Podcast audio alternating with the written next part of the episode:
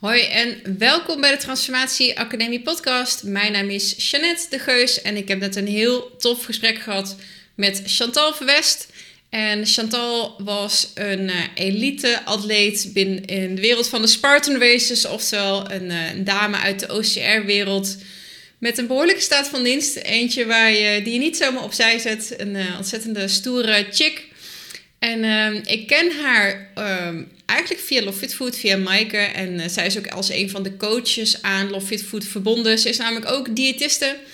En uh, dat is een heel tof gesprek wat over voeding en training en mindset gaat. En een van de dingen waar we het ook over gaan hebben is de Fit Food 30 aan het eind. En dat brengt me ook meteen bij de sponsor van deze podcast, uh, Love Fit Food. En ik wil in het bijzonder dus even die Fit Food 30 onder de aandacht uh, brengen. Die gaat vanaf nu namelijk gewoon elke maand van start.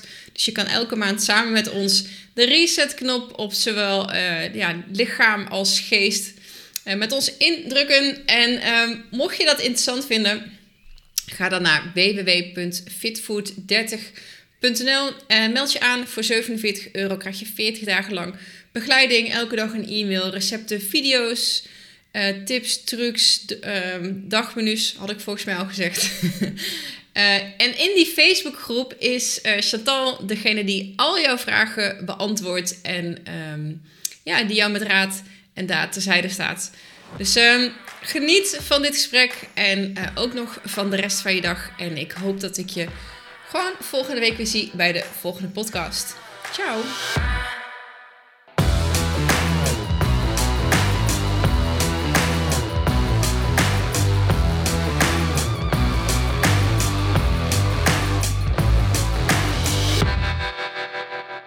Hey Chantal, ik uh, heb je uitgenodigd, of althans, we gaan dit uh, opnemen.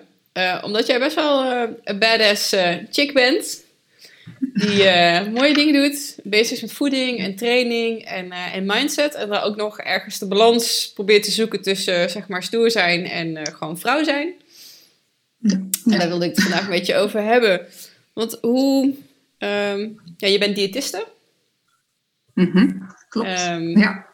En daarnaast ook heel actief binnen de sport. En dan met name in de, de mensen uit de obstacle uh, running, zeg ik het goed? Of obstacle course? Ja. Ik weet ook nooit zo goed hoe ik, dat, uh, hoe ik dat moet zeggen. OCR. Oh, ja, oké. Okay. Binnen de OCR-wereld weten mensen, ben je ja. gevreesd op de baan, kan ik me zo voorstellen. Ja, ja. was vooral. Hè? Hey, wat, hoezo was? Omdat, op dit moment veel minder mee bezig geweest. Uh, ja. Ook omdat de focus veel meer ligt op uh, voor jezelf beginnen uh, als diëtiste. En daarnaast ook eigenlijk de omslag gemaakt naar training geven. En waaronder obstakeltraining ook. En dan krijg je gewoon meer een focus op hoe te leren om een groep aan te sturen. En nou ja, goed, dat ken je zelf ook wel. Ja. dan merk je gewoon dat je eigen trainingen daarop achteruit gaan. Yeah. Uh, vorig jaar een blessure gehad, waardoor ik gewoon net even wat meer terug ben gevallen in training. En dan merk je gewoon als je weer terug wil komen op het niveau waar je was, um, ja, dat het gewoon lastig is. Want concurrentie wordt natuurlijk ook moordender. Yeah. en als je dan al ietsje terug bent in je trainingen en weer um, ja, door moet pakken en dan net nog een tandje erop, yeah. met dan inderdaad het wat ik net al vertelde, is het gewoon lastig. Ja. Dus ja, voor nu is de training gewoon trainen, gewoon weer fit zijn. En uh, ja, ik wil zeker terugkomen. Uh, Maar voor nu ligt daar de focus gewoon even niet. Ja, en terugkomen, want je hebt best wel wat, uh, wat bereikt. net in het voorgesprekje hadden we het al eventjes over. In 2016, time flies, ja. de ja. trifecta gewonnen in Tirol. En dat is een heel weekend. Kan je voor de mensen die, die niet weten wat dat inhoudt, eens vertellen wat dat precies is? Ja, nou, um, je hebt natuurlijk heel veel OCR-runs. En um, nou ja, je rolt er vanzelf een beetje in en merkt dan dat een bepaalde run jou meer ligt dan de ander. Want ja, je hebt gewoon heel erg, het wordt steeds populairder. Ik ben er nou, vijf, zes jaar geleden mee begonnen. En toen waren er echt nog heel weinig mensen bekend met het obstakelrunnen. Dus voor mij begon toen die gekkigheid al. En liep ik er ieder weekend wel eentje. En dat kon niet op. Um, nou, je wordt steeds beter. Je gaat echt van een korte afstand naar steeds langer. En ik kwam in aanraking bijvoorbeeld met Spartan Race. En die ligt mij dus gewoon uh, goed. En omdat Spartan Race meer gericht is ook op kracht. Uh, dus de obstakels zijn minder technisch. Maar uh, wat je moet doen is vaak wel uh, in krachtelementen. Dus net zoals dat je met crossfit ook te maken hebt met dingen sjouwen. Of nou ja, goed, langere afstanden met iets, iets lopen op je schouder. Dat hebben we met Spartan dus ook. En, voor degene die niet, want Spartan is gewoon een soort merk of een bepaalde organisatie ja. die races organiseert. Ja. Oké, okay. ja, check. Ja, een van, een van de um, grootste ter wereld. Ja. Dus zij doen het best wel goed. Gewoon in ieder land heb je wel Spartan Race. En ja, het is gewoon een grote community. En nou, Tirol is dus een van hun races binnen Europa. Ja. En uh, die hebben we dus inderdaad in 2016 gelopen. Daarvoor heb ik er ook al meerdere gelopen en gemerkt dat ik uh, mee kon doen in het elitevak. Want dat is Ja. ook nog een dingetje. Dat Ja. je denkt, hé, hey, ik word goed, maar kan ik dat aan? Ben Ja. ik wel eh, Ehm, ja. En ja, dan durf je het uiteindelijk aan. En Tirol was best wel een, een grote stap. Ehm, het jaar daarvoor had ik hem ook al gelopen, maar dan alleen de Beast. En dat is een van de afstanden die je kan doen bij Spartan. Ja. Ehm, ja, ik moet het zo uitleggen. Ja, leg Spartan het maar eens even uit, want ik, maar Ja. ik heb het ook niet meer helemaal scherp, want je hebt drie afstanden Nee. die je kan lopen. Ja. Oké. Moment. Komt-ie. nee. Komt-ie. Eh, Spartan is meer opgebouwd in ehm, eh, drie fases. Zo, zo zeggen ze het eigenlijk. Binnen een jaar kan je die drie eh, medailles winnen. Ja. Omdat ze zeggen bij Spartan, als je één keer iets doet, dan overwin je daar nog niks mee. Gewoon hè, met jezelf. Het is gewoon het spelletje met jezelf, niet alleen fysiek, maar ook mentaal. Dus daarom hebben ze zo bedacht, dat is natuurlijk heel slim, dat ze ehm, verschillende afstanden doen, die je dan binnen een jaar moet halen. En dan krijg je nog een extra medaille als hè, ehm, Ah. ja, gewoon het blijk van je hebt het goed gedaan en je hebt echt iets veranderd in je leven. Ehm, dus je hebt een sprint. En dat is de kortste afstand. Dan heb je een super. En je hebt een beast. En die afstanden die, die verschillen nog wel per race. Ehm, nou ja, goed. En heb je hem dan gelopen, dan heb je de trifecta. Dus dat is zeg maar het doel waar je het eigenlijk ja, voor doet. En dan mag je dus een, Eh, jaar, een heel jaar over doen. Ja, maar tegenwoordig zijn er zoveel mensen natuurlijk zo gek om dat in één weekend te doen. Ah. En nu heb je dus trifecta weekenden. Dus het is niet meer gek genoeg om het eh, over een jaar te, uit te smeren. Maar nu doe je het in één weekend. En dat heb ik dus gedaan in Tirol. Wauw. En daar, eh, ja, daar heb je dus drie races in twee dagen tijd. En ehm, ja, dat is best pittig. En meerdere Nederlanders eh, waren daar met mij. Super tof. Het is echt, eh, echt wel een uitdaging, want ja, Tirol is bergen. Mm. Uh, en dat komt vaker voor in Sparta races, vooral in het buitenland. Ja. ja. dat is gewoon tof. Maar twee kilometer tegen een heuvel oplopen, een skipiste, is best wel heftig. Ja, Ja, Dus ik dat- zie meteen dat- inderdaad dat soort filmpjes eh, voor me. Want ik, ik heb ook een tijdje naar de podcast geluisterd van ehm, eh, Joe de Senna. Joe de Senna, Ja, ja, dat is de eigenaar. de, de, de oprichter van Spartan Race. En dan ook inderdaad hoe zij trainen en die verhalen die je dan hoort. Dat, dat zijn inderdaad gewoon met een boomstam op je, op je schouder inderdaad een berg op sjouwen. Ja. Ga Want- maar. Ja, doe maar, weet je wel. En, Ja. eh, en dan burpees onderweg doen of zo, weet ik veel. Zoiets. Ja. Ja, Want wat, ja, precies. Ja, precies, dat. ik denk dan van, nou, weet je, wat voor soort mensen, hoe, wat, wat bezielt je? Nee, ik bedoel, wat, wat is daar de, eh, de kracht van, de aantrekkingskracht? Want er zijn heel veel mensen die, die obstacle races leuk vinden. En ik ken ook wel, weet je wel, een mud race of een, of zo, sorry, een mud masters of een eh, strong viking. Maar dat is toch allemaal net wat vriendelijker, denk ik. Wat toegankelijker. Als ik dat, dan dit hoor, denk ik, jeetje. Ja, maar ehm, toch moeten we daar. Uh, ja, Spartan die is heel goed in het promoten van zichzelf. En mm voordoen alsof ze echt heel erg badass zijn. En natuurlijk is dat ook wel zo. Maar um, iedereen kan een Spartan race lopen. En je op je eigen tempo. Dus uh, kijk, omdat Mudmasters in Nederland is, heb je gewoon minder te maken met bergen. Maar um, ja, dat, uh, qua obstakels um, ja, het, het zal niet heel erg veel uh, schelen, zeg maar. Je hoeft niet bang te zijn dat je niet kan lopen. Okay. Kijk, in de afstanden, dat is natuurlijk weer een ander verhaal. En het heuvelachtige terrein in het buitenland, ja, je, je krijgt wel zure benen. Yeah, yeah. dus wat Yeah. bezielt je om het te lopen? Ik denk dat je steeds meer lef krijgt, wat ik zelf ook heb ervaren. Um, in, van, nou ja, in mijn geval was het dan van ik word beter en ik word uh, een van de betere dames.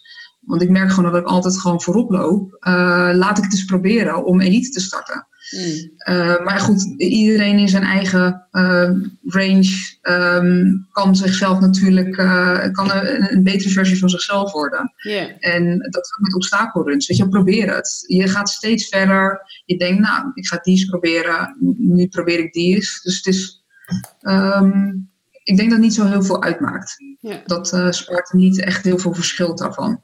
Van en is dan de aantrekkingskracht, um, want ik, ik ken meerdere mensen ook, weet je wel, die, die obstacle runs doen. Zit hem dat in dat je steeds merkt dat je meer of zwaardere obstakels over kan? Is dat, is dat de challenge die erin zit? Ik, bedoel, ik heb dan zelf hard gelopen en dan zit de uitdaging. Ja. Of dat, wat, wat het leuk maakt, is dat je zeg maar steeds tegen jezelf van oké, okay, deze, nu kan ik 10 minuten afgebroken, nu kan ik 15 minuten, nu kan ik een half uur, ja. oh, nu kan ik in dat half uur zo ver komen. Dus je kan continu jezelf daarin pushen. Is dat hetgeen wat het dan met die obstacle runs ook zo aantrekkelijk maakt, of is het iets anders? Nou, ik denk dat het um, zeker ook dat is. Uh, maar het, het doorbreekt ook dat lopen. Ik ben zelf helemaal niet zo'n fan van hardlopen. Ja. Ik doe het wel, maar uh, door die obstakels kwam ik erachter dat ja, dat vond ik wel tof. Omdat het het gewoon heel anders maakt. En ja, uh, je hoofd, het stukje tegen jezelf praten met rennen. Um, je hebt niet iedere keer die discussie. Als je een obstacle course hebt, dan is dat gewoon heel anders. Waardoor je gewoon veel, um, veel meer af en toe tegen de elementen oploopt. Van ik moet over een hoge muur, ik moet van iets hoogs afspringen. Oh, ik moet hier omhoog klimmen. En uh, dat alles kan allemaal een angst zijn bij je. En dat hoeft niet bij iedereen, maar het zijn wel iedere keer van die kleine triggers. Uh, spring maar hier in deze sloot uh, of in tien sloten. En normaal zou je dat nooit doen. En nu denk je, ah, I don't care, weet je, ik moet naar de finish. En ik doe het gewoon. En dat, dat geeft ook wel ergens een stukje oerkracht, denk ik. Hmm. En dat um, wij mensen zijn nu tegenwoordig te uh, gemaakt in een, in, een, ja, in een wereld die, die wij eigenlijk niet uh, van, van oer uit niet, niet gewend zijn. Hè, de, de computer, de, de telefoon, uh, de hele dag op je reet zitten, uh, achter een bureau. Ja, dat zijn allemaal dingen die eigenlijk niet bij ons horen. Ook al voelt het nu van wel. Ja. En dat stukje in zo'n obstakelrace, terug naar natuurelementen. Je merkt dat daardoor mensen weer echt ja, uh, een beetje terugkomen in hun, in hun ware ik. in een kinder, kindermodus of zo. Ja, en dat ervaarde ik voor mezelf ook. Ja.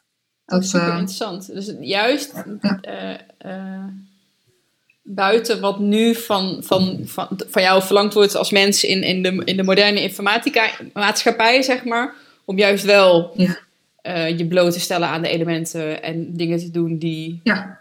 Ja, waarvan je tegen de kinderen zegt, gewoon... nee, niet in de sloot springen, weet je wel. en het dan, en dan lekker wel doen zelf, ja. Oh, ja, gewoon echt het weer terugvinden van een beetje je, je kind zijn. En ik denk dat daarom de populariteit gewoon enorm is. En natuurlijk die uitdaging van iedere keer, oh, ik kan dit. Misschien kan ik ook wel een paar kilometer meer. Dat blijft. Want yeah. als je dit soort dingen leuk vindt, dan, dan ga je jezelf uitdagen. Yeah. En ook loop je af en toe tegen de lamp. Maar ja, dat, dat, hoort, dat hoort er ook bij. Yeah. Dus uh, ja, je merkt dat mensen gewoon steeds vaker en steeds verder gaan lopen. En dat heb ik zelf ook gedaan. Want ik dacht het eerst allemaal niet te kunnen. En vervolgens heb je inderdaad een eh, race van, uh, van drie in, uh, in één weekend. wat, wat, deed jij van tevoren? Want je zei van, uh, ik dacht dat ik het niet kon, maar ja, je bent dus wel een behoorlijke prestatie. Um, wat wat deed jij daarvoor? Op sportief gebied? paardrijden. Oh, je bent echt van dat gewoon... Wauw, nou, ik dacht, ik wist het niet eens.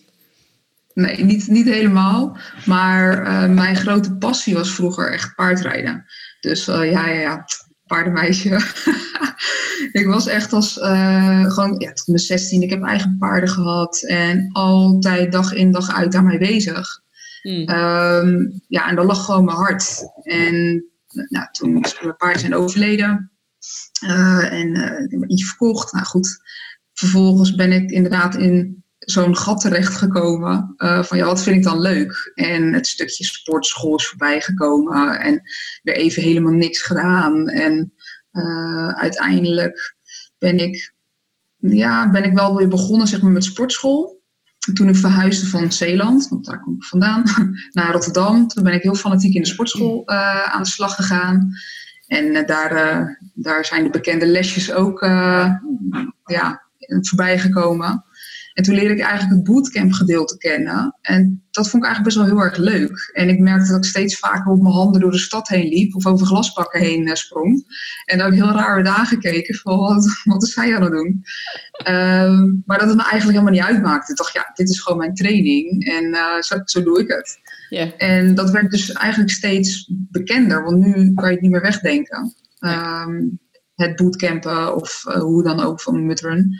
En uh, ja, toen was dat eigenlijk nog best wel onbekend. En ja, nu, zo is het eigenlijk een beetje ontstaan. Toen een keertje meegedaan met zo'n mudrace met de bootcamp groep waar ik toen mee trainde. Mm. En dat vond ik zo leuk. Ja, toen was ik verkocht eigenlijk. Yeah. En dan, uh, dan uh, ga je ieder weekend. ja. Wat ik nu ook heel veel zie. Ja.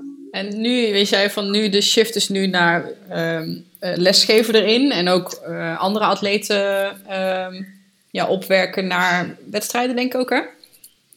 Um, of in ieder geval... Ja, niet per se, maar gewoon, met, ja, gewoon van alles door elkaar. Ja. Want ook het stukje uh, obstakeltraining geven, maar ook het stukje kettlebell lesgeven. Uh, dus dat vind ik ook erg leuk om te doen, maar dat is heel wat anders. Ja. Het is uh, leerzaam. Zijn dat dan mensen die gewoon bij jou een soort van bootcamp training komen doen? Of is dat echt gericht op beter kunnen lopen van obstacle runs? Uh, sommige lessen wel. Ik, ik geef gewoon uh, meer, verschillende lessen. En de ene is meer conditiegericht en de andere keer is het echt meer uh, obstakelgericht.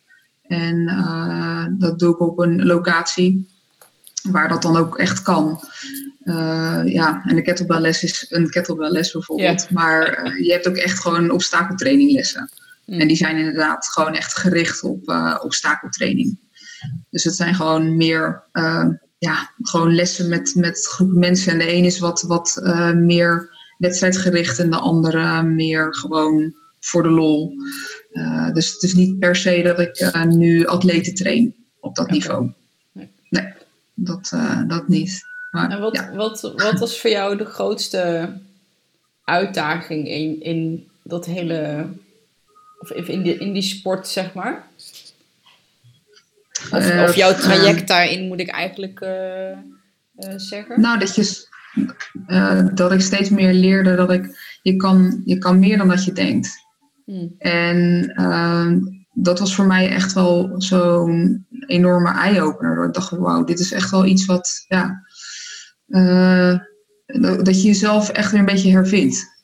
En dat, dat stukje kind zijn misschien. Uh, ja, dat, het ging dieper dan, dan dat ik dacht. En vooral het overwinnen van elementen. Um, normaal gesproken dat je blokkeert, dat is iets van mezelf. Dat, dat je op hoogte bent en denkt, ja, oké, dit vind ik heel spannend. Uh, maar tijdens een race, ja, dan denk ik gewoon niet na. Of dan is het één seconde en dan doe je het gewoon. En die drie seconden, dat is net iets te lang. Yeah. Maar tijdens zo'n race ga je gewoon. En waardoor je dus eigenlijk iedere keer dat moment verlegt naar uh, steeds korter de, de angst hebben voor, voor iets. Ja. De angst of, of in ieder geval het gewoon, het gewoon doen. En uh, je, die comfortzone iets, iets verbreden. En dat die steeds breder wordt. Dat je denkt, nou, hier ben ik ook oké mee. En dat, um, ja. Heb je daar... Ik aan mezelf. Ja, ik vind het wel heel mooi. Want um, juist net in, in waar de stretch van je comfortzone zit, daar zit je groei, volgens mij. Mm -hmm.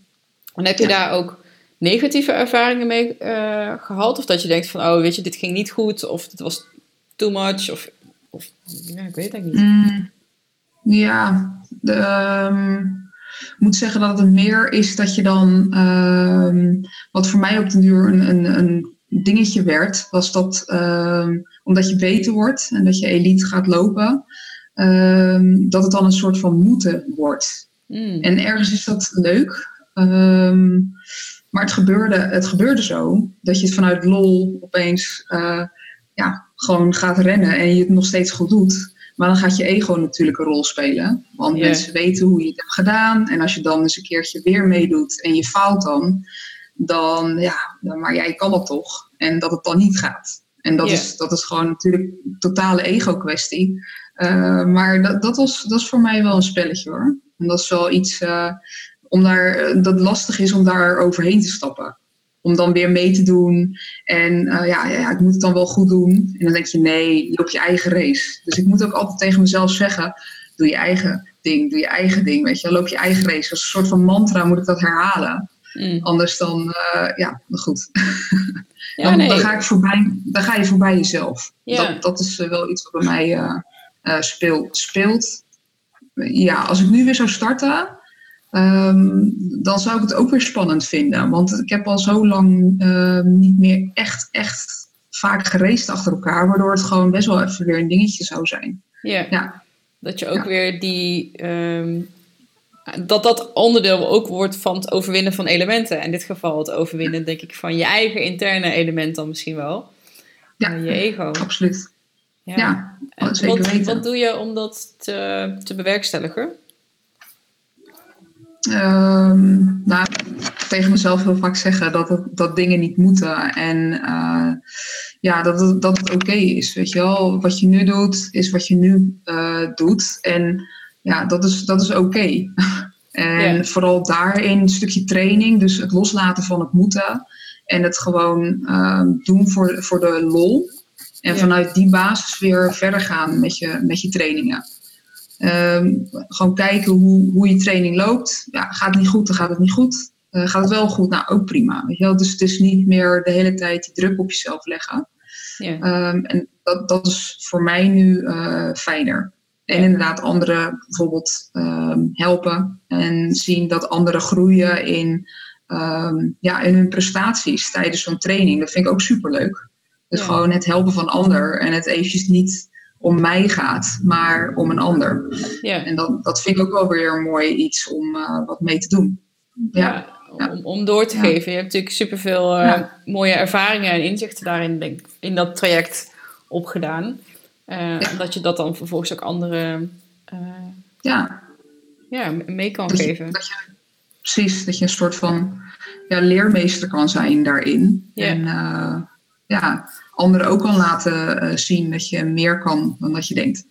Ik vind het wel grappig, want toen je zei van, hè, weet je, mijn, ehm, eh, je kan meer dan dat je denkt. En ik had natuurlijk ook mijn eigen beperkingen. Als ik aan jou denk, als ik jou zie, als ik jou spreek, ik heb altijd iets van, wow, weet je, Chantal, die is echt, dat is zo'n stoere chick, weet je wel, die is zo sterk en badass. En, eh, weet je wel, en dat het ook, want dat is ook, ja, dat zei je al, hè, die balans tussen, zeg maar, die buitenkant, of die, die uitstraling, of Ja. dat, is je, dat is je kracht, je bent gewoon sterk, weet je wel, daar heb je aanleg voor, dat vind ik leuk. Maar ja, tegelijkertijd eh, ben je ook gewoon net als iedereen. ja, ja, precies. Is dat, eh, Ja, maar ja, dat, dat, dat stukje dat, dat ehm de stoer en sterk uitzien, weet je, dat, dat geldt denk ik ook voor jou, weet je wel. Dus Jeanette en kettlebellen en nou ja, je hebt dat ook gedaan. En tatoeages, dus jij bent ook dan badass. Ja, blijkbaar. Ja, ik heb, ik ja, heb maar van, de week, dat- van de week gehoord dat, dat, ik een, eh, dat ik een template ben. Dat vond ik heel interessant. Oké, Dus, eh, dat, er, dat, dat je gewoon templates hebt van typetjes. Ja, Weet je wel, je hebt, je hebt de, Ja. de, de, de, de, de man, weet je wel, aktentassetje, blouseje, koffer, baardje, kaal, beetje, beetje stoe- gewoon zo'n type, weet je wel, die in Rotterdam veel ziet Ja. lopen waarschijnlijk ook, van die puntschoenen op de fiets Ja. door de stad.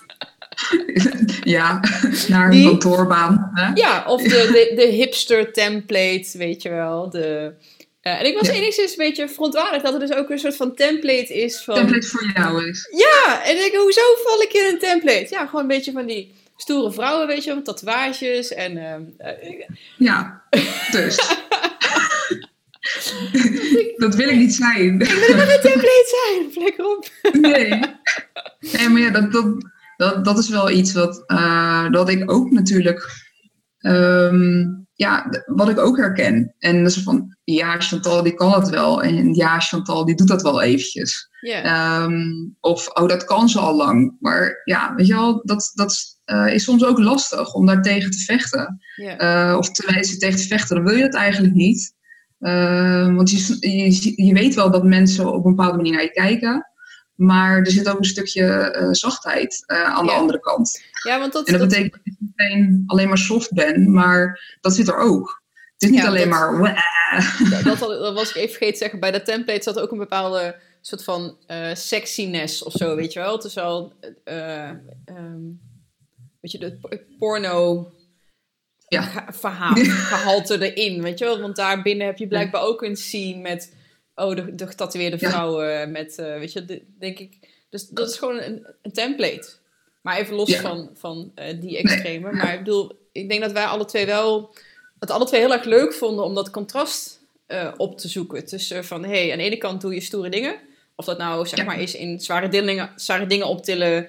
Of eh, ehm, jij bent ook in voor een jezelf begonnen. Daar gaan we het ook nog even over hebben.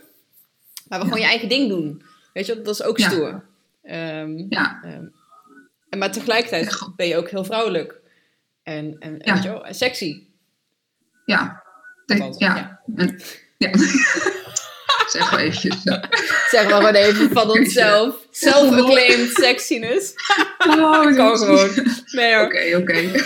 Nee, maar dat... dat Als je aan het ehm, dat luisteren ook- bent en nog niet op YouTube aan het kijken bent, moet je zeker gewoon eventjes naar YouTube kijken. Dat is veel leuker Ja. voor deze aflevering. Echt, hè? Oh, eh. Ja. nee, maar dat, dat, dat is wel iets wat ik... ehm, ik, ik kom uit eh, de mode. Dus ik heb hiervoor... Ik ben overgestapt naar eh diëtisten. En ehm, ja, ik was wat ouder. Ik was 29 toen ik daar begon. En dat ik die keuze maakte. Maar daarvoor heb ik in de eh, mode gezeten. Wat ook dat stukje altijd bezig zijn met uiterlijk. En altijd... eh, je moet altijd mooi uitzien en de juiste kleding aan hebben. En hakken, lipstift, noem het maar op. Niks mis mee, helemaal niet. Maar eh, ik vond het ehm, te veel bij mij een lege huls. En ik miste gewoon iets. En toen merkte ik aan mezelf dat ik ehm, in, in die obstakelwereld terecht kwam. Of hoe je het dan ook noemt. Veel meer bezig zijn met buiten zijn en modder in je haar. En eh, dat ik dacht, ah, wauw, weet je wel, dat vind ik echt fijn, weet je wel. Het is oké om meer die innerlijke eh, speelsheid te laten zien. In plaats van altijd dat, dat eh, mooie poppetje aan de buitenkant. Ja. Eh, heel grappig, eh, een tijdje terug ja, kwam er een foto voorbij op Facebook van mij echt van tien jaar geleden. En zei ze, is dat je zus of zo? en eh, ik weet niet meer waar- waarom die nou voorbij kwam, maar eh, iedereen, de- heel veel mensen hadden hem dus gezien. En ja, ik, ben, ik zie er daar anders uit. Of gewoon, ik, ik gedraag me anders, een andere houding. Dus Ja. ben ik toch echt. maar nu boeit het me gewoon minder. En ik kan nog steeds wel sexiness hebben. Maar dat het, ja, dat het niet meer zo nodig is om te zijn wie je bent of zo. En dat dat, dat stukje ego ook gewoon, ja, nou, weer eventjes een beetje we- wegzet. Eh, dus van nee. Ik weet niet hoe, hoe ik het eh, kan benoemen, maar dat, dat, het wel, dat het gewoon oké is om ehm, gewoon een staart in te doen en eh make-uploos over de baan heen te rossen. Ja. Dat dat gewoon prima is. Ja. En, dat je aan de andere kant ook gewoon, eh, als je daar wel zin in hebt, ook gewoon wel dat vrouwelijke mag en wil zijn. Want dat ben je ook nog steeds. Ja, zeker. Ja, nee, maar dat, daarom. Weet je, dat het gewoon dat je samen gaat met beide kanten. Ja. En, Ja. ehm, Ja, en ik merk dat wel steeds vaker om me heen hoor. Dat als ik gesprekken heb, diepgaande gesprekken natuurlijk. Hè. Daar zijn we ook van. uh, ook met vriendinnen die dan uh, ook een beetje die struggle hebben. En dan merk je gewoon ook steeds meer dat ze in balans komen met die, die twee. Ja. En misschien komt dat ook door de leeftijd. Maar ik vind dat wel een mooi, mooi gegeven. Dat je gewoon een stukje stoer inderdaad met vrouwelijk kan combineren. Uh, Ja, ik denk, ik denk ook echt wel leeftijd, als ik er zo zelf over nadenk. Volgens mij, als je wat jonger bent, nou, dat weet ik wel zeker. Als je kijkt naar de archetypen, zeg maar de princess en de queen. Eh, Mhm. Als je jonger bent, ben je nog in een soort van prinsessenmodus. En Ja. ben je ook bezig met, maar dat is gewoon logisch. Je, wil, je moet je plekje nog vinden. Je wil mooi en aardig en leuk gevonden worden. En, ehm, en pas later moet je zeg maar uit die rol gaan stappen en meer in een queendom. eh zo, ja. Ja. weet je, het, het gaat niet meer om uiterlijk. Je hebt iets te brengen, je hebt iets te vertellen, je hebt, eh, je hebt iets te Ja. geven. Kijk, of je nou wel of geen kinderen hebt, weet je wel. Je hebt ook mensen om je heen in je netwerk of waar je eh voor zorgt, die je lief hebt, weet je. En dan heb je gewoon je ervaring te delen of je, je, je inzichten te geven. En ben je niet, hoef je niet meer bezig te zijn met... Oh, ik wil dat mensen me eh, leuk en aardig vinden. Kijk, het zijn natuurlijk maar archetypen, hè? Dus niet dat iedereen dat helemaal 100% Ja, ja. is. Maar ik, ik zag daar wel, denk ik, ja, ik denk wel dat dat echt wel ook, weet ik wel zeker, ook leeftijdsgerelateerd eh, is. Dat je op een gegeven moment dat stukje een beetje loslaat en meer in balans komt met, eh met jezelf. Ja. Aan de andere kant denk ik, ja, maar wij zijn ook wel een beetje rebels in dat opzicht. Wij zijn niet het prototype meisje-meisje, toch? Nee. De nee, prinsesjes, dat zijn we niet. Dat zal ook, dat ook denk ik nooit gebeuren. Eh, ja, ik weet niet, maar dat, dat, dat rebelse, dat maakt ook wel weer dat je, ehm, ja, wat ik zelf ervaar, dat je vaak een voorbeeld kan zijn voor anderen. Mhm. En dat, dat eh, denk ik dat het voor jou ook geldt. Ook al Ja. heb je dat gevoel niet zo. Ik Nee, ervaar dat niet. alleen al bijvoorbeeld door les te geven, dat, dat, ja, dat je gewoon echt een voorbeeld kan zijn. Of dat je Ja. een gesprek hebt die wat dieper gaat en dat je dus denkt, nou, ja, dat is Ja, best ik wel vind leuk. Persoonlijk echt heel onprettig, merk ik. Ik vind dat heel eh, eng. Ja. Eh, ze ja, hè? toen zei je dat en dat tegen mij en dat, eh, dat schiet nog wel eens door mijn hoofd en dat helpt mij ergens bij. En ik denk echt, dat was... Wow. Ja, maar dat, dat vind ik heel... ra- ja, raar niet. Want je hoopt natuurlijk dat je, dat je... Weet je, dat je iemand iets kan geven of zo. Maar toch merk ik eigenlijk Mhm. dit, dit soort gesprekken, deze hele podcast, gewoon dat ik dat leuk vind. dat ik gewoon, gewoon toffe gesprekken wil met, met, met, met, met fijne mensen die wat te vertellen hebben. Weet je wel? En dan, Ja. dat is nog best wel raar om te beseffen dat er mensen meeluisteren. En dat ze denken, ja, maar toen zei je dat en dat. Dat vond ik echt, eh, dat he- heeft me geholpen. Ik zei, hè? Oh, wauw. Ja. Ja. Ja. oh, oké. Maar dat je gewoon al, ja, precies. Nee, maar dat je gewoon al een inspiratiebron kan zijn door, Ja. door te zijn wie je bent. En Ja. inderdaad, eh, niet hè, dat de masker op te hebben, maar gewoon eh, vanuit puurheid zoveel mogelijk te handelen, denk Ja. ik. Ja, vanuit je authentieke zelf. En dat doe jij Ja. ook. Jij bent ook heel authentiek en heel puur in, Ja. in mijn ogen in, eh, in wat je doet. Weet je, heel dicht bij je kern. Van, ja, wat vind ik leuk? Weet je, waar word ik blij van? En ehm, Ja. ja, of dat nou binnen jouw kadertjes past van hoe jij denkt dat een vrouw moet zijn. Mhm. Want, want krijg je ook wel eens negatieve opmerkingen bijvoorbeeld? Eh, dat mensen het... Want ik krijg wel eens... Ik heb wel eens opmerkingen gehad over mijn armen. Kijk, nu zijn ze niet super gespierd. Ehm, Nee, maar maar Ja. ik, ik krijg wel eens opmerkingen van mannen die iets hebben van... eh, of ik kreeg wel eens opmerkingen van mannen die, iets hadden van... Nou, weet je wel. ja, ja, ja. Nee. nou, wa- wat je wel merkt in, ehm, in de afgelopen jaren, eh, wat ik al zei, ook met dat, dat obstacle race, eh, dat dat gewoon steeds meer bekendheid krijgt. Ehm, voorheen kreeg ik wel eens opmerkingen inderdaad van, wow, ben je... ik was heel vaak de bot, hè? dus dat, dat sowieso. Blijkbaar was ik altijd lesbisch eh, in, een, in een sportschool, omdat ik gewoon heel erg bezig was met trainen. Hmm. En eh, vaak dingen deed die dan ehm, ja, een- niet standaard waren of zo. En Ja. maar nu met het crossfit en eh obstakelruns, dat merk je gewoon dat er een omslag komt dat de nieuwe strong het nieuwe sexy is. Ja, En dat, dat nu vrouwen zeggen van, hey, super tof. Ehm, ja, ik vind het zo, hartstikke mooi zulke schouders. ja, En dat, dat, dat merk ik wel. Dat ik denk, wow, zo, dat is echt eventjes het verschil. Dat, dat gewoon vrouwen die naar je toe komen en zeggen, ah, echt, echt cool, weet je wel. Dat, eh, dat zou ik ook wel willen. ja. En dat, dat- dus ik zie het nu eh, niet meer als negatief. Maar toen, ja, een, jaren geleden werd er wel af en toe negatief over gedaan.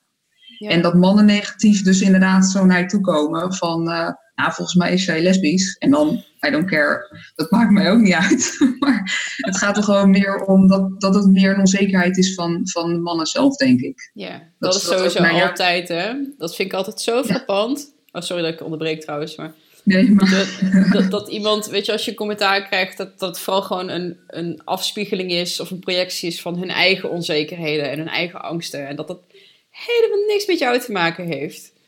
Nee, nee. Nee, maar dat, dat, uh, ja, dat, dat heb ik gewoon uh, bijvoorbeeld met mijn relatie. Dat, uh, dat hij ook eerst uh, dacht van, nou, grote schreeuw lelijk. En zij heeft, ze dat altijd voorop en heeft altijd een grote mond. maar dat is gewoon maar omdat ik het superleuk vond om altijd die runs gewoon met plezier te lopen. Hmm. En uh, dat ik spierballen heb, dat betekent niet dat, dat ik ook niet gewoon uh, vrouwelijk ben daarachter. Yeah. En uh, hij zegt, ja, nu, nu boeit het me niet meer, weet je wel. Dat is gewoon iets wat dat past bij jou. En ik, hij staat me echt aan te moedigen als ik hele zware gewichten aan het tillen ben tijdens het trainen. Yeah, weet je wel, ja. Dus gewoon, nu is het zo normaal dat dat, dat gewoon, ja, dat je dat gewoon bent. Ja. En, en, ik zou nooit een maatje 34 kunnen hebben. Uh, dat hoeft ook niet, weet je wel. Dus dat, uh, ja. Dus dat gewoon... Mhm. Ja? Ja. Dan kom, je, kom je het in je, uh, want, dus, in je coachingspraktijk nog wel eens tegen als diëtiste? Want dat is iets wat ik ook nog wel eens zie, weet je wel, dat meiden... Het, los van het feit, weet je, oké, okay, CrossFit is dan nu bekend, weet je wel. En meisjes die zien dan ook wel van, oh, uh, gespierde vrouw is ook wel mooi. En nu, weet je wel, wil je als daar, niet alleen als heer graag een sixpack hebben, maar ook als vrouw is in één keer een sixpack ook een soort van uh, statussymbool bijna. Um, ja. Want hoe, hoe zie je dat? Want het gaat niet zozeer. Kijk, als je traint om te winnen, train je niet voor uiterlijk, weet je wel. En of je dan, dan, dan past een broekmaat 38 niet, omdat je gewoon stevige benen hebt, weet je wel. Ja. Klaar. ja, precies kunnen bloesjes niet meer over je onderarmen. Nee. Dat, kan niet. Ja, minder. En dat is gewoon... Denk ja, weet je, in gewone kleren zie je er best wel een beetje bulky uit. Terwijl als je eenmaal aan het trainen bent, dan zie je van, oh, wacht eens even. De, die chick is gewoon supersterk, weet je wel. Dat is niet, geen vet wat je ziet. Nee. Maar toch, nee. ja, hoe ga je er om in die coachingspraktijk? Want, um, en en hoe, hoe zie je dat terug in je werk als diëtiste ook? Nou, wat je, wat je heel vaak tegenkomt, is natuurlijk altijd weer die balans. Want mensen willen afvallen, maar willen ook sterker worden. Ehm, dus het is gewoon echt, um, je hebt ook superveel die, die gewoon graag echt willen afvallen. En het ergens stiekem wel een beetje mooi vinden, uh, spieren, maar dan alleen bij jou. Dus gewoon niet, niet bij hunzelf, maar wel bij jou. Dat is wel oh, mooi. Ja, dus dat, dat geeft ook niet. Uh, dat is ook prima. Maar uh, degene die uh, fitter willen worden en inderdaad meer um, ja, sterker willen worden, die, um, daar ben ik wel mee bezig inderdaad om dat wel, um, om daar het over te hebben, dat als je traint, dat het gaat om dat je beter wordt en dat het dan uiteindelijk ook wel goed komt met je looks, als je gewoon je netjes houdt aan, uh, aan je voedingspatroon. Dus hè, waar, waar we het over hebben en dat dat gewoon oké komt. En dat het in eerste instantie gaat over kracht opbouwen. En niet zozeer over lean zijn, omdat dat vaak helemaal niet meehelpt in, um, ja, in jouw krachttoename. Alleen het probleem is dat er, net zoals dat je gewoon een uh, glossy ziet met een uh, lekker wijs op de voorkant, heb je dat natuurlijk ook met de CrossFit Games of iets. en je kijkt altijd op tegen de toppers. En uh, daar moet ik zelf ook voor waken, want natuurlijk is het hartstikke tof. Maar dat, dat zijn mensen die gewoon hun ass afwerken iedere dag. En het kan niet zo zijn dat jij daar ook meteen zo van uit gaat zien. Als je een keer een crossfit WOD doet of een keer een OCR loopt. Daar moet je echt wel gewoon badass voor trainen. En dat is wel iets wat ik meeneem uh, als bewustwording in, uh, in mijn coachings. Zeker. Dat, dat dat stukje afvallen en, en uh, krachtstoename, dat dat twee verschillende dingen zijn. Ja. En dat het heel lastig is om dat samen te laten gaan. Ja, ja. bodybuilding net zo goed, hè, met een stukje, ja, stukje bulken en een stukje uh, droogtrainen. Ja, dat is echt gewoon compleet een andere wereld. Ja. Ik vind het zo, en dan vrij persoonlijk, ik vind het dan nog best wel lastig dat ik, ondanks dat ik dan bijvoorbeeld wist dat ik fit was, dat ik echt sterk was, dat ik dan steeds denk, ja, maar ik zie er nog steeds niet uit als uh, een van de ja. daar. Ik weet, ik ben even net iets, nou, ik weet even niet. Eh, niet Camille natuurlijk, want die zit, ik vind die tegenwoordig ook niet meer mooi. maar zo, van, zo van maar, maar, maar, waarom heb ik dan die sixpack niet, weet je wel? En dat het ook in mijn hoofd ook nog wel eens van ja, dat, dat body image wat je dan hebt. Ik vind, mm ik ben gezond, ik, ik, ik train goed, ik eet goed, ik slaap goed, weet je wel. En, uh, en ik sta niet super droog, weet je wel. Dat is best wel een mindfuck. Dat je denkt van, ja, maar shit, maar waarom heb ik dan niet... Uh, waarom sta ik dan niet droog? Of, ik kan me best wel, ik kan me voorstellen dat veel vrouwen dat wel hebben. Zo van, ja, maar ik doe toch alles goed? Waarom heb ik dan niet uh, een keiharde sixpack app? Ja, precies. Ja, goed, dat is ook wel gewoon ja, een menselijk dingetje. En vooral bij vrouwen. En jij weet er natuurlijk ook alles van met je mm. coaching. Um, ja, dat blijft nog gewoon iedere keer weer een spelletje. Want we kunnen wel zeggen, we hebben gewoon hier, hier de sleutel. Hè? De, de Lafitfoot 30 eh, bijvoorbeeld. En uh, vervolgens um, is dat een algemeen schema. Hè? En daarmee kan je zelf gaan puzzelen wat voor jou werkt. Maar wil je echt, echt als een atleet fine-tunen, dan zal je heel erg op de porties moeten gaan zitten en op de grammen. En ja, dan maakt die 100 uh, eh, calorieën wel misschien uit, weet je wel, extra. Op een hele week maakt het allemaal niet zoveel uit als dat eens een keertje voorkomt. Maar als je echt op dat niveau gaat kijken, ja, dan moet je heel erg badass op je, op je macro's gaan zitten. en dan is alles vrij droog. En ik denk dat uh, gene ook nog wel een rol speelt. En gewoon... Ja, nou, zeker ook. Ehm, ja, ik mag mezelf ook uh, gelukkig prijzen met als ik een keer naar gewicht kijk, dat ik dan meer spiermassa aanmaak. Dus voor het zicht heb ik ook sneller spieren. Hmm. Uh, terwijl een ander misschien zes dagen in de week helemaal naar de kloten gaat en minder spiermassa of minder toning heeft. Dus absoluut, ja, dat, dat speelt ook echt wel een rol. Ja. Dus, en stress en noem het maar op. Er zijn zoveel um, elementen die daarin meespelen natuurlijk. Ja, want je, je, werkt nu als uh, je eigen praktijk als diëtiste. Um, hoe is die switch gegaan? Of die, dat, uh, dat proces gegaan? Wat was daar de aantrekkingskracht van? Waarom ben je dat gaan doen? Ja, nou ja, het, het stukje uh, klaar zijn met uh, ja, misschien toch gewoon doen wat anderen willen. Of mm. altijd het gevoel hebben dat je um, een bepaald iets wil nastreven. Um, ja, en dat, dat komt heel, heel diep, heel diep. En dan gaan we een beetje ayahuasca-niveau. uh, Vroeg me af of het nog te sprake zou komen. Vast wel. ja. ja, jongens, ook ik heb het gedaan. Ja. Maar dat je echt gaat kijken naar um, diepere lagen. Dat bijvoorbeeld, uh, even heel persoonlijk, mijn zusje, die uh, met een geestelijke handicap. En dat klinkt allemaal heel zwaar, alleen ja, ze is wie ze is. En ja, dat, dat, dat, zal ook nooit anders zijn. Maar mijn gevoel dat ik altijd voor twee moest werken, was voor mij iets wat heel erg lang boven me heeft gehangen. Ehm, wat ik dus ook heb teruggezien in ayahuasca. Um, dat het oké is van wie ik ben. En dat zij is wie, zij, is. En uh, dat je niet hoeft te vechten voor twee. Of dat jij alles hoeft te doen, ook qua opleiding. En uh, ja, altijd uh, misschien te doen wat, we, uh, wat je ouders zouden willen dat je zou gaan doen. Ook al zijn zij heel erg lief geweest altijd in het... ja, je mag doen wat je wil. Eh, maar toch denk je, ja, ik moet in management iets doen. Weet je, oh, ik moet hoger opkomen. En het moet allemaal. Uh, ik, weet het niet. Maar dat was mijn gevoel toen. Dat ik niet koos echt voor wat ik echt heel graag wou. En altijd een beetje onrustig in die zoektocht. En die werd alleen maar erger. En nou ja, de mode was niet wat ik wou. En uh, door die onzekerheid ja, eigenlijk aan de kant te zetten en het gewoon echt te gaan doen, echt iets te kiezen vanuit je hart, mm. eh, ben ik eigenlijk een beetje in deze richting gekomen. En uh, toen de tijd, en nu nog steeds hoor, heb ik veel fysio-vrienden in mijn omgeving. En ik dacht, ja, dat, dat ga ik niet doen, want daar zijn er al heel veel van. En uiteindelijk heb ik er dus inderdaad voor, voor gekozen om een cursus voeding te doen. En om te kijken of dat dan iets is met gezondheid, uh, fysio niet, maar wat dan wel.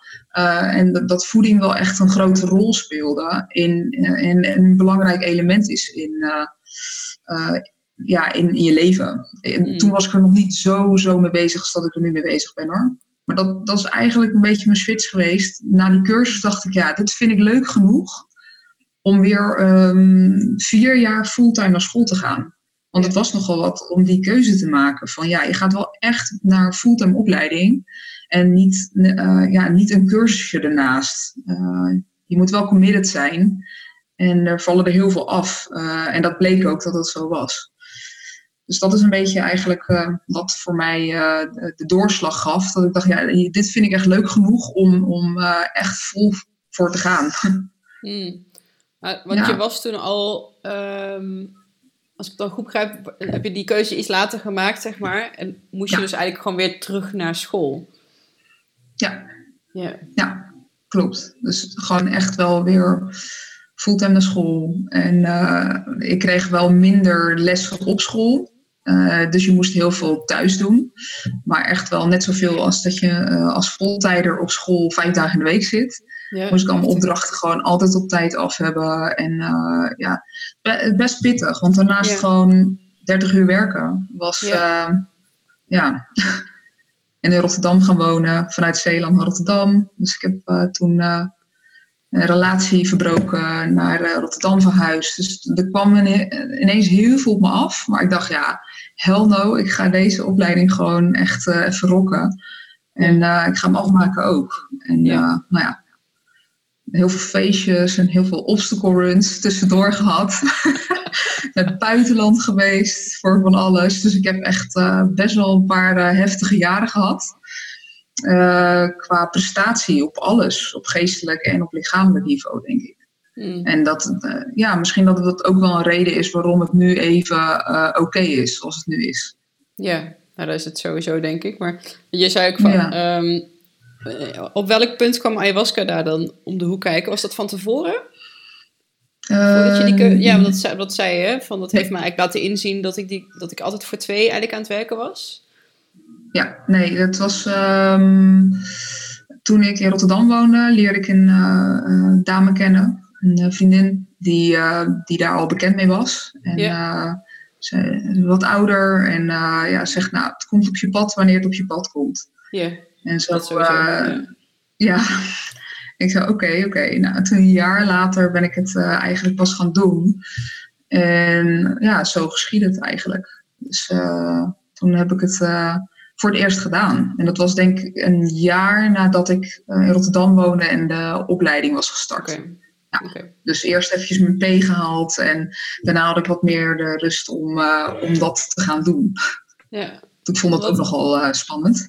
Ja, is het ook. ja.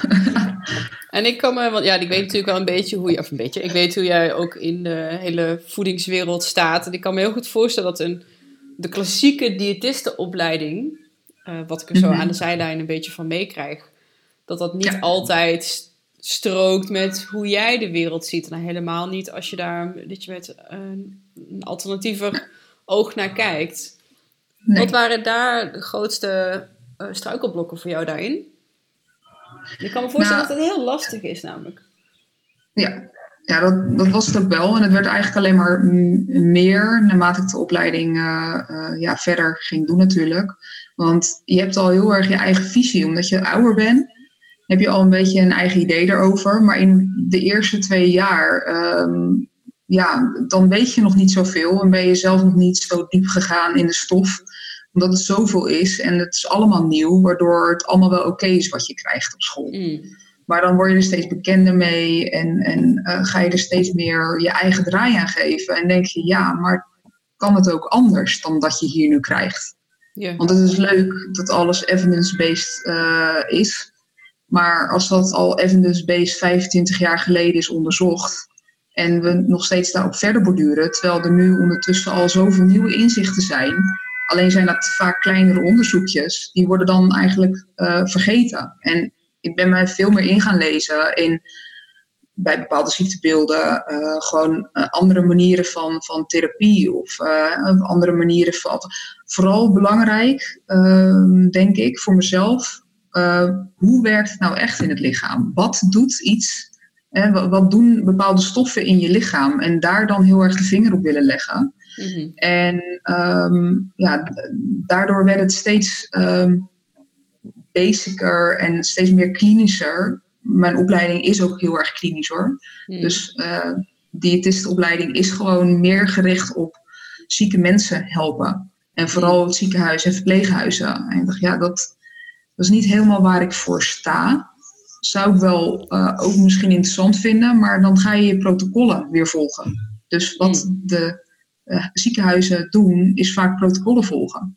Yeah. En ja, iedereen mag daar iets van vinden, maar uh, dat, dat, daar stond ik gewoon niet helemaal achter. En dan kom je sneller terecht in het plaatje, misschien de zweverige hoek, de alternatieve hoek. Maar ik zie dat niet zo. Als je, um, ik ben gewoon gediplomeerd diëtiste. Ik heb daar van alles uitgehaald. En uh, de zweverige hoek, die, die is veel meer gericht op de onderzoeken van nu. Dus wij kijken veel sneller naar wat gebeurt er nu en wat, wat voor uh, nieuwe manieren zijn er om mensen te helpen. En de kleinere onderzoekjes die doen er vaak wel toe. En uh, dat is gewoon ook lastiger in die grote organen. Dat ze daar uh, voordat zo'n voedingscentrum, voordat ze er allemaal iets doorheen hebben, dan moeten er natuurlijk honderd mensen wat van vinden. En dat is logisch. Het, is gewoon een log, het zijn gewoon logge organen. Maar ja, ik ga veel liever zitten in de uh, durfhoek. Gewoon durven en kijken uh, vanuit je eigen visie, van inderdaad uit de basis, kijken wat, uh, wat wel kan werken. Want ik krijg ook vaak mensen op de spreekuur die, uh, die zeggen, nou fijn dat je zo met me meedenkt. En niet dat ik het standaard protocolletje krijg uitgedraaid van, nou, hè, dit geef ik aan iedereen. En uh, dat werkt dus ook voor iedereen. Nee, zo, zo is het niet. Luisteren en daarop handelen. En uh, voor de een werkt iets anders dan voor de ander. Ja. ja. ja. Ja, meer dat, de gepersonaliseerde uh, aanpak dan of zo, of meer de mensgerichte aanpak en niet het, niet het afdraaien van een protocol. Ja, feitelijk. Ja, ja. meer mensgericht. Ja, natuurlijk, want um, en nogmaals, Love Fit Food uh, zit ook gewoon in een basis Um, met hè, macro's en alles. En dat hanteer ik ook. Dat neem ik ook mee in mijn uh, consulten. Alleen ja, voor sommige ziektebeelden is het misschien handiger om inderdaad meer te luisteren en te zeggen: wat hoor je nou bij iemand en hoe kan ik daar uh, dan bepaalde dingen aan toevoegen of weglaten, bijvoorbeeld. Hoor. Dus dat, ja, ja. Wat is nou het grootste eigenlijk uit de, de reguliere diëtisten uh, leer waarvan je denkt van nee, daar ben ik het echt niet mee eens of, of daar sta ik niet achter? Um, nou, ik denk, ja goed, er is al sowieso wel een verandering. Er zijn zeker ook andere diëtisten die het met mij eens zijn hoor. Want wat kom ik doen? ik kom ook net kijken. Ja, nee, maar goed, in jouw, uh, in jouw, in jouw, in jouw optie. Ja, ja. ja. Uh, nou, dat er best wel veel. Want als diëtiste ben ik officieel eigenlijk opgeleid om zieke mensen te helpen. En mensen met echt, echt uh, gezondheidsklachten. En als je dan kijkt naar hoe uh, vaak de protocollen nog zijn in het algemeen voor mensen met zwaardere ziekteproblemen, zo, zoals diabetes en zoals kanker, dat daar een hele andere weg ook is. Alleen dat vaker niet of geen, eh, niks over wordt gezegd, te weinig over wordt gezegd, door, door misschien arts. En, um, ja, en verder dat er gewoon geen, geen optie is om verder iets mee te doen. En dat, dat er echt wel manieren zijn om, uh, om daarmee aan de slag te gaan. Dat er dan het standaardprotocol. Dus dan, dan heb je het al niet meer over de gezondere, maar over echt gewoon uh, bepaalde ziektebeelden. En uh, ja, ik heb goed, pas geleden ook een leuk gesprek gehad met, met een aantal mensen bij een bedrijf die heel erg bezig zijn in juist voor diabetes bijvoorbeeld een hele andere toon te zetten, maar wel op professioneel niveau, dat er wel geluisterd wordt naar ze. En dat vond ik echt heel tof. Ik zei, ja, daar kan ik iets mee, weet je wel. Dus je merkt wel dat je steeds meer gelijkgestemden gaat krijgen omdat ik allemaal um, cursussen volg of seminars bijwoon. En dan krijg ik professionals die ook in dat kader denken. En ook openstaan voor, voor vernieuwing. En, uh, durven, en vooral durven doen. En ja, um, ja dat, dat vind ik echt gewoon uh, tof. Dus daar, daar kan, zie ik nog wel een grote verschuiving in. Ja, ja. ja super interessant. En ja, je noemde het al een paar keer Love Fitfood en ik kijk even de tijd. we zitten er gewoon al bij een uur te kletsen en we hebben niet eens... Oh, we zijn nog zoveel dingen waar we het over kunnen, over kunnen hebben. Maar een van de... Ja. Um, ik wou het ook nog even met je over de Fitfood 30 hebben, want...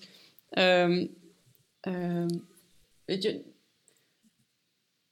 ja, en eigenlijk misschien wel gewoon over de onzin van diëten en de onzin, of de zin en de onzin van een challenge bijvoorbeeld. En dat klinkt heel gek dat ik dat zeg, want wij van Love Fit Food, of ik van Love Fit Food, hebben natuurlijk een challenge gemaakt. Nou, ik heb het nooit een challenge genoemd, maar gewoon een, een 30 dagen protocol ja. een eliminatieprotocol. Nou, sommige mensen noemen dat een challenge, omdat het misschien ook wel uitdagend is om uh, een 30 dagen lang een aantal voedingsmiddelen uh, te schrappen. Ja, zeker. Ja, wat. Um, ja. Uh, ik, ik vind het wel grappig dat. Um, weet je, je maakt dat, of ja, je, je, bedenkt dat niet. Ik bedoel, de, de Whole 30 in Amerika en de hele paleo-beweging waar ik vandaan kom. Het is niet dat ik dat helemaal zelf bedacht heb. Weet je wel, je, je, je, kijkt en je ziet, je denkt, hé, hey, dit werkt. Uh, je combineert een aantal zaken. denk ik, nou, volgens mij werkt dit voor mij, want het is natuurlijk allemaal ontstaan uit een soort van persoonlijke zoektocht. Ja. Um, en samen met Maaike? Ja, en dan heb je zoiets van, nou, en dit, dit vinden we, wij denken dat het zo zit, zeg maar, op basis van onze ervaringen. Ja. Uh, kijken of we daar andere mensen mee kunnen helpen. En inmiddels doe je dat voor ons, uh, uh, voor Love Fit Food ook. Ja. Wat is jouw take on het hele, bijvoorbeeld glutenvrij of, of lactosevrij? Of, of überhaupt het nut van zo'n eliminatieprotocol? Ja, nou ja, gewoon, ik vind het superleuk dat jullie vanuit jullie eigen, eh, dat jij vanuit je eigen uh, ontdekkingsreis, zeg maar, dit hebt ontwikkeld. En ik denk dat dat gewoon wel de, de beste uh, stap is hoe, je, hoe je iets neer kan zetten. Weet je wel, zelf ervaren. En dat geldt dus nu ook in, in zo'n zo'n challenge. Dat, dat mensen eens een keertje gaan voelen weer, terug naar het voelen wat iets met, zich, met, met, met hen doet. Dus um, het altijd maar eten. Want ik werk veel met uh, mensen met darmproblemen. Uh, vind ik super interessant, want heel veel mensen hebben dat tegenwoordig. Dat is echt bizar. Yeah. En dat is gerelateerd aan heel veel verschillende uh, dingen. Dat kan van stress zijn tot echt, echt zware buikproblematiek. Maar um, ga maar eens weer voelen wat, je, wat iets met je doet. Yeah. En dat is met voeding zo enorm um, cruciaal. Dat je gewoon, je bent zo gewend om altijd maar die boterham te eten. Maar je hebt geen idee meer dat dat dus een probleem bij jou kan veroorzaken. Vermoeidheid of uh, alles wat daar uh, aan kan hangen, wat gluten zou kunnen doen. Is niet gezegd dat dat bij jou speelt, maar het is wel iets wat kan. En als jij nooit uh, een keer hebt gezegd, ik stop daar mee, want het is zo gewoon, dan mm. weet je gewoon nooit wat het met je doet. En dat vind ik van zo'n um, een Lot Fit Food protocol zoals zo'n 30 dagen heel, heel goed. Dat je, zelf, dat je leert luisteren naar, je, naar jezelf, naar je lichaam. Ja, ik denk dat dat wel... Uh, dat is wel leuk. Ik had, uh, sprak gisteren een uh, jongen en die zei van... Oh ja, we gingen iets bestellen. We zaten op het terras en ik bestelde een broodje met geitenkaas. En ik zeg, zonder de walnoten alsjeblieft. En hij keek maar eens aan en hij zegt... Ik vind dat zo knap, zegt hij, dat mensen weten van zichzelf wat voeding met hun doet. Want ik, ik voel dat echt niet. dat nee, nog, goh, ja. dat is zo, zo, van, hoe kom je daar inderdaad achter dat je ergens wel of niet goed op reageert? Hij zat me echt zo aan te kijken van, hoe, hoe kom je daar in hemelsnaam achter? Denk ja, weet je, dat is gewoon trial and error. Op een gegeven moment connect je de dots en denk je, ah, dit is de boosdoener. Hier kan ik gewoon niet, weet je wel, hier reageert mijn buik gewoon, uh, ik krijg diarree van of, uh, uh, of keelpijn of whatever. Ja. ja, en je gaat altijd wel een keer de fout in, tuurlijk. En dat is, dat is gewoon normaal, weet je. Dat is ook weer trial and error. Yeah. En weet, mensen doen heel vaak dingen nog een keer. Of hè, het gebeurt heel vaak dat je het toch nog wel een keer doet. En dan denk je, ja shit, dit, dit was niet wat ik wou, maar dat, dat, gaat, gewoon, dat gaat gewoon zo. En dat geeft Ja. ook niet. Maar ja. Nog, dat is volgens mij mijn hele leven. Dat ik denk, ah, zo doe ik het. Nou Oh, nee, nee, shit, dan, toch dan toch weer even niet. Ah nee, ik doe het zo. Oh nee, shit, dan toch weer even niet. En de ene heeft er meer talent voor dan de ander. Oh, ik doe het misschien even een paar weken, maanden even helemaal niet. Nou ja, geeft Nee. niks. Dan begin ik Ja. gewoon weer. Waar het dan Ja, maar dat is ook, dat is ook wel weer een, ehm, eh, een, een gave om zo met je leven om te gaan. Want eh, gelinkt aan bijvoorbeeld die buikpijn, darmklachten. Zoveel mensen ervaren juist van zo'n leven zoals jij bijvoorbeeld leeft. Dat stress, van onzekerheid. En je weet gewoon niet waar je aan toe bent, want het is allemaal geen vastigheid. Ja, niet iedereen kan daar tegen. En dat geeft ook niet. Het is gewoon, iedereen is weer anders daarin. Ja. Eh, maar goed, Hoe- ik heb ook niet echt terug- een heel stabiel leven.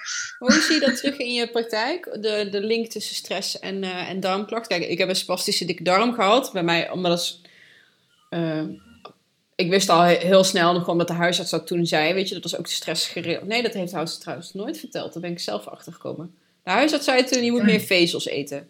En een spastische dikke darm, is jammer dan. Oh, dat weet ik nog. Hij zei, dat is jammer dan. Maar eh, je kunt er wel 100 mee worden. Zo van, is vervelend, dat weet ik. Je moet meer vezels eten.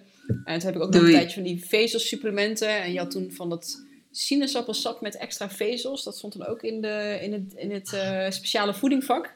Ken je die? Ja, dat, pakjes. ja, ja, ja. Dat is Ja, niet oké? is- Ja, maar dat is, dat is het, het begin geweest. Want was ik 15 of zo. Ja, weet ik Ja. veel. Je, je hebt gewoon Ja, na elke tuurlijk. maaltijd... eh, denken je ouders, nou je probeert, je probeert onder de afwas uit te komen, weet je wel. Omdat je gewoon ja, huilend Nee. op de wc zit van de buikkrampen. En echt huilen. Ja. Gewoon echt, echt Ja, helemaal eh, gewoon Ja. in de kramp en, en pijn. ja. En dat dat echt huis niet- dan- Echt niet. Ja, en dat huis dan zegt, ja, eh, je moet iets meer vezels eten en het is vervelend voor je, maar je, wordt, je, kan, je kan er in ieder geval 100 mee worden, weet je wel? Het, is niet, Ja. het verkort niet je levensduur, misschien alleen je levensplezier. Nou, dan moet je het dan weer doen. Dag, ja. En dan ben, je, toch- dan ben je nog zo jong. Ja, maar is toch erg eigenlijk? Terwijl, Ja. wat, ja, nooit over stress gepraat. Of bijvoorbeeld, ik bedoel, en nu weet ik, dat is de grote trigger. Stress.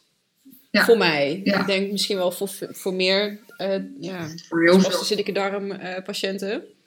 Ja, ja, heel veel. En kijk, dan, dan ja, leg je eh, bijvoorbeeld ook die link weer met, met zo'n ayahuasca. Ehm, vaak is het terug te halen naar dingen uit je verleden. Ehm, wat je ziet met echt zwaarder buikproblemen, eh, want van heel licht naar van ik heb stress om, eh, om iets op dit moment en ik heb één dag buikpijn. Maar anderen die hebben gewoon echt chronische stress inderdaad in hun buik. En dat is vaak gelinkt aan, aan ja, kan je het een jeugdtrauma trauma noemen. Mhm. Ja, dat is misschien zwaar, maar de, de- vaak komt het wel daar vandaan. Er is iets gebeurd waardoor dat nu eh, eh, zo zijn uiting heeft. Va- vaak zie je dat wel terug, dat zie ik ook. Eh, en dan is dat niet in één keer op te lossen, maar dat je bewust bent van het feit dat je met eh, tien keer ademhalen in de ochtend en echt even bewust weer terug naar je lichaam gaat, dat je da- daar al heel veel mee wint. Hmm. En dat, dat is dan al een hele kleine verbetering. Maar ik geef als diëtiste ook dat soort advies mee. Dus niet alleen maar, eh, oh, we gaan het hebben over eten. Nee, jij vertelt mij iets en waar komt dat dan vandaan? Misschien ga ik dan soms iets te diep erop in, maar het, eh, het is vaak het psychologische stukje dat erachter zit inderdaad. En dan kom je weer neer op hè, waar we het de vorige keer met dat eh, microbiome over hadden, die darm-breinas. Die is zo enorm sterk. Ehm, ja, alles, alles wat hier gebeurt, dat komt ook in je buik terecht en andersom. Dus, ehm, en dat is in ieder geval voor mij echt een, een, eh, ja, een eye-opener geweest. Dat ik daar heel veel mee, mee doe eigenlijk nu in mijn praktijk. En Ja, dat ik je- daar mensen echt wel mee kan helpen. Kan je daar een Ja. voorbeeld van geven? Want die darm-breinas. Ja. eh, ik Ja. daar, hebben we het, daar hebben we het in de Love Fit Food eh, podcast eh inderdaad even kort over gehad.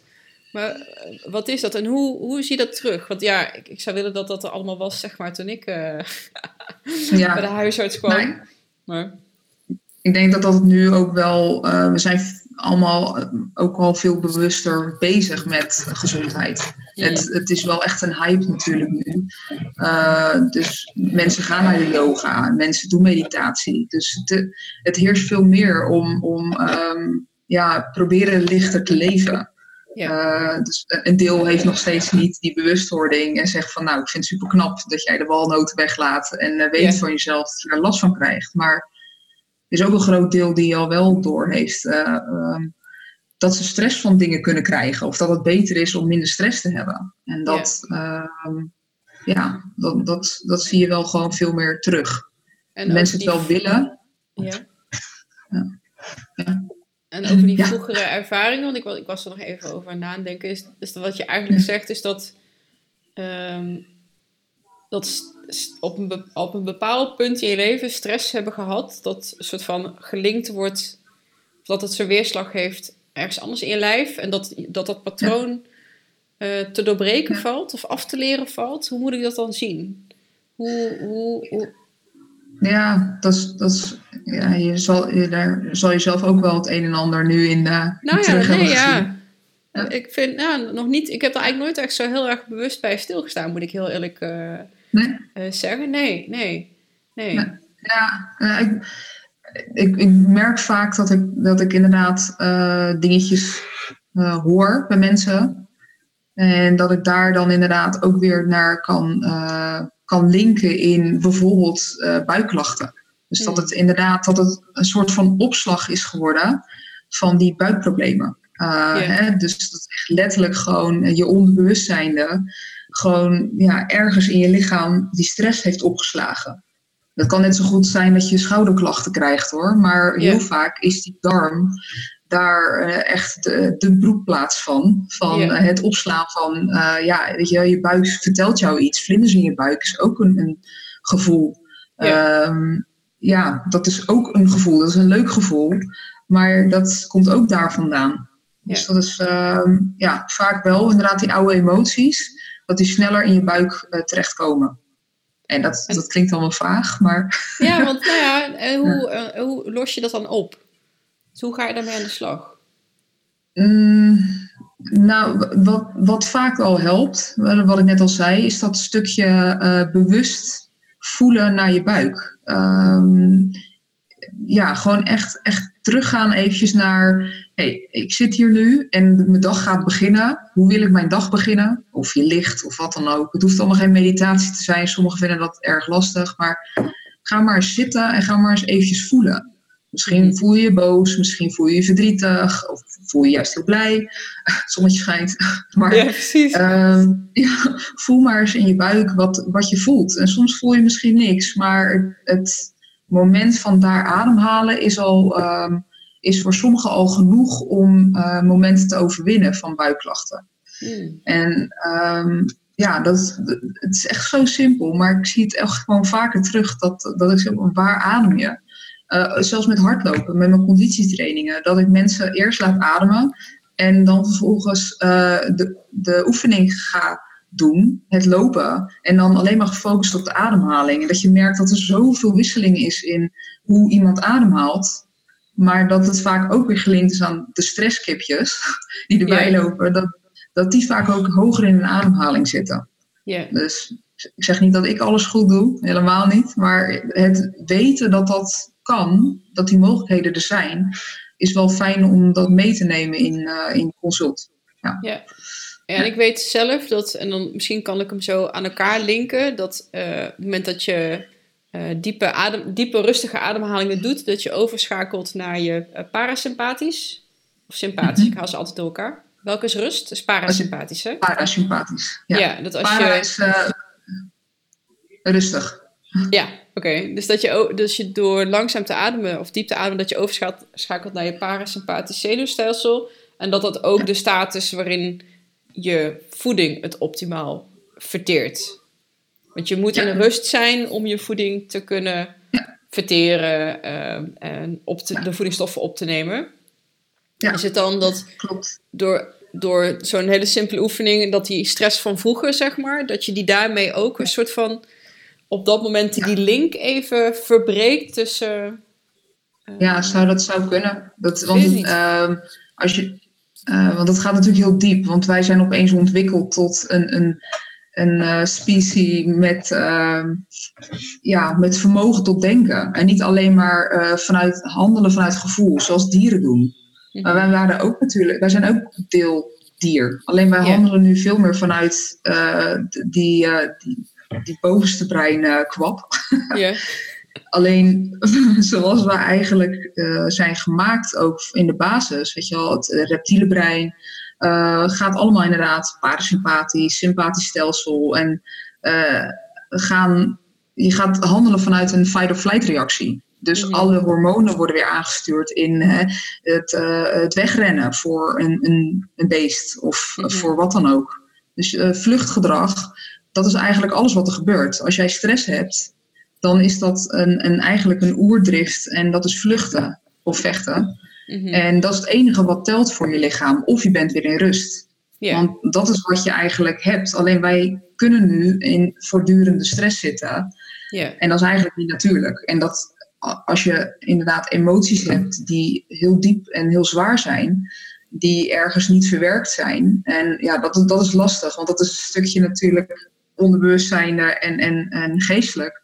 Mm -hmm. uh, maar dat, dat dat nog steeds ook inderdaad licht, licht die, die vecht- en vlecht, uh, vluchtreactie zeg maar, opwekt. Yeah. Zonder dat jij dat echt doorhebt. Dus Yeah. dat, dat, dat, is, dat is een spelletje. Uh, maar teruggaan naar de oer. de kern, wat doet nou iets in je lichaam? Het vechten en vluchten of gewoon rust? Dat is eigenlijk al het sympathisch, parasympathisch. Ja, je staat, je zijn- aan, Ja, je staat aan om iets te doen, of je staat uit, Ja. zeg maar. Ja, lichamelijk gezien. Er zit, er Ja. zit niet iets, ja. En wat je eigenlijk zegt is dat eh, zowel de, de maatschappij waar we nu in zitten, als misschien ervaringen die je zeg maar hebt opgedaan in je leven. En het klinkt natuurlijk heel dramatisch, dat snap ik ook wel. Traumatisch, maar we hebben, alle, we hebben allemaal meerdere traumatische eh, ervaringen, weet je wel. Is het maar dat je moeder een keer zonder jou de kamer uitging, weet je wel. Zoals dat kan voor een kind Bijvoorbeeld. eh stress oproepen. Is Ja. dat we eigenlijk te weinig in de ruststand zijn. eh, Ja. Om ons lijf goed de kans te geven. Om ook om, om in te kunnen checken van... Hey, wat, eh, weet Ja. je wel, hoe voelt dit? En, en ook je lichaam de kans te geven om het te verwerken. En dat als je, als je dus heel veel darmklachten hebt... dat het dus ook die stresslink eh daar heel belangrijk in is. Omdat die darmen dus niet optimaal functioneren... als je steeds aanstaat. ja bijvoorbeeld. Ja, precies. goed samen? Ja, ja, want er zijn gewoon heel veel. Ja, je, je wil, de natuur wil altijd een balans. En eh, dat is in je lichaam ook zo. Dus als jij eh, uit balans bent, in wat voor vorm dan ook, ehm, dan, dan krijg je dus gewoon inderdaad problemen. Mhm. En dat kan in de darm zijn, of dat kan inderdaad een. Eh, mijn ervaring met mijn gebroken voet vorig jaar was. eh, ik heb de meest rare sprongen gemaakt tijdens een obst- eh, obstacle run. Nooit wat gehad. Zeg ja, heb je dan iets raars gedaan? Ik zei nou, ik had stress. Dus mijn hoofd zei gewoon: je bent niet in balans, maar je wil wel doorgaan. Dus je lichaam en je geest zijn gewoon niet meer in evenwicht. Mhm. En dat klinkt misschien zwaar, maar dat is echt, dat, dat is gewoon wat er gebeurde. Want ik heb echt niks raars gedaan en ik liep. En vervolgens breek ik gewoon eh, mijn voetbordjes. Nou, super simpel, maar ga maar stilzitten. Weet je wel, je doet gewoon te veel, klaar. Ga maar eens echt letterlijk stilzitten. En een, eh, een, een dier zal veel sneller ehm, herstellen dan een mens. Omdat een mens altijd weer met dat brein gewoon denkt: ja, maar ik kan dit wel en ik ga gewoon door. En wij ervaren stress niet meer als echt eigenlijk stress. Want je moet niet zeiken. Maar ja, dan, dan wordt het alleen maar erger en erger. En dat, nou ja, of dat nou je buikklachten is, of inderdaad eh, je, je botstructuur die dan niet meer goed, eh, eh, goed dicht is. Van, nou ja, goed. Het gaat heel ik diep. ik, vind dat, soort- ik vind dat soort dingen altijd wel bijzonder als ze gebeuren. En dan komen we op het universum is altijd voor je en niet tegen je. En ik denk het feit dat jij je voet breekt, weet je, het shit in dat moment. Maar misschien wel het beste wat je had kunnen gebeuren. Want daardoor Ja. moest je wel rust nemen. Moest je je lijf de kans geven om te herstellen. En God weet Ja. eh, in wat voor burn-out je jezelf getraind had of gewerkt had als je Ja. gewoon door was gegaan. Eh, en dat, je dus, dat, soort, dat soort signalen kunnen herkennen. En dat is dan, eh, Ja, ik denk dat dat de soort van de kunst van het leven bijna is, weet je wel. Dat je denkt, ah, en, en zien dat het voor jou is en niet om jou te pesten. nee. Nee, nou ja, zo, zo ervaarde ik het ook niet. Omdat ik meer het, dit achterliggende plaatje, zeg maar, in mijn hoofd had. Ik dacht van ja, het is, het is gewoon voor nu is het oké. En mensen die een burn-out krijgen, die zeggen ook vaak van, oh man, uh, achteraf uh, is dit gewoon het beste wat me kon overkomen. Omdat ik gewoon echt eventjes gewoon tot mezelf kon komen en op de reset-knop heb kunnen drukken. En uh, ja, het is, uh, het is niet zo slecht om af en toe even teruggefloten te worden, maar luister er dan ook naar. En dat is dus, nou ja, ja om weer op die ja, komen weer terug bij. Uh... oh ja, want het, elimineren, ja, het elimineren van, van bepaalde producten. Uh, dat is ook even op de reset-knop drukken. En gewoon leren wat voor jou wel en niet werkt. Want niemand is hetzelfde. Daarom, het algemene plaatje is supergoed. Want er worden inderdaad heel veel dingen uh, uit de Fit for 30 gewoon geëlimineerd. Um, zodanig dat je minder last van je buik krijgt. Maar dan nog steeds, iedereen is anders. Ja. En uh, voor mij werkt kwark prima, weet je wel. Ik ja. kan dat gewoon prima eten zonder last te krijgen. Ja. Maar uh, op andere dagen kan ik er misschien wel weer last van krijgen. Omdat het een combinatie is met stress. Of, ja, Dus het is, iedere dag is weer anders. Maar op zich, de, de challenge is echt uh, het algemene plaatje waarmee je gewoon echt wel goed... Ja. Ja, ja, ja, absoluut. Waar je echt heel veel uit uh, kan halen. Ja, en wat ik heel belangrijk vind, want, uh, is, is dat herintroductieprotocol. Dus daarna, oké, okay, je kunt 30 dagen bepaalde middelen gaan schrappen om te kijken hoe dat bevalt. Weet je, maar daar moet je dus, dan begint het eigenlijk, dan begint het echt te ontdekken pas. Weet je, alles daarvoor was vooral, oké, okay, hoe ga ik dit doen? En misschien een nieuwe manier van eten. En dan pas begint het echte experiment. Oké, nu ga ik brood eten of pasta of whatever. Uh, hoe voelt dat? Wat gebeurt er dan vandaag, morgen en overmorgen? Uh, hetzelfde met, uh, met lactose. En het enige wat we trouwens niet terug, dan terug introduceren is suiker. Nee. dus dat, maar dat doen mensen toch wel. ja. Hoeven geen protocol voor te schrijven. Het is gewoon een natuurlijk proces, hè? Ja. Carbs zijn gewoon uh, directe energie. Dus dat, dat reptiele brein, dat schreeuwt toch wel, dat wil ik hebben. Oh, dat werkt gewoon het beste. Echt een fantastische podcast geluisterd over slaap bij Joe Rogan. En een van de dingen die daar ook naar boven kwam is, als jij niet goed uitgerust bent, is dat je per dag onbewust ongeveer 100, 200 calorieën, kilocalorieën meer tot je neemt. Ja. Uh, en dat het ook vaak meer in de carb uh, gaat. Um, Klopt. Dan denk ik ook van ja, weet je, als mensen dan heel veel moeite hebben, denk ik, oh, maar het is niet alleen maar weten wat te eten. En dan hebben we het ook over slaap en stress, weet je wel. Gewoon, het is zoveel ja. makkelijker als je lekker uitgerust bent. Uh, om niet ja. dan terug naar suiker te pakken of, uh, of te veel carbs te eten. Ja. Klopt. Ja, want uh, ja, ja. nee, maar dat is ik heb inderdaad ook meerdere podcasts, uh, net met uh, Rhonda Patrick um, en um, hoe heet hij ook alweer? Um, Dan Party. Hij is ook echt zo'n man die heel veel weet over slaap en inderdaad over wat het met je doet. super interessant om daar naar te luisteren. En oh, bijvoorbeeld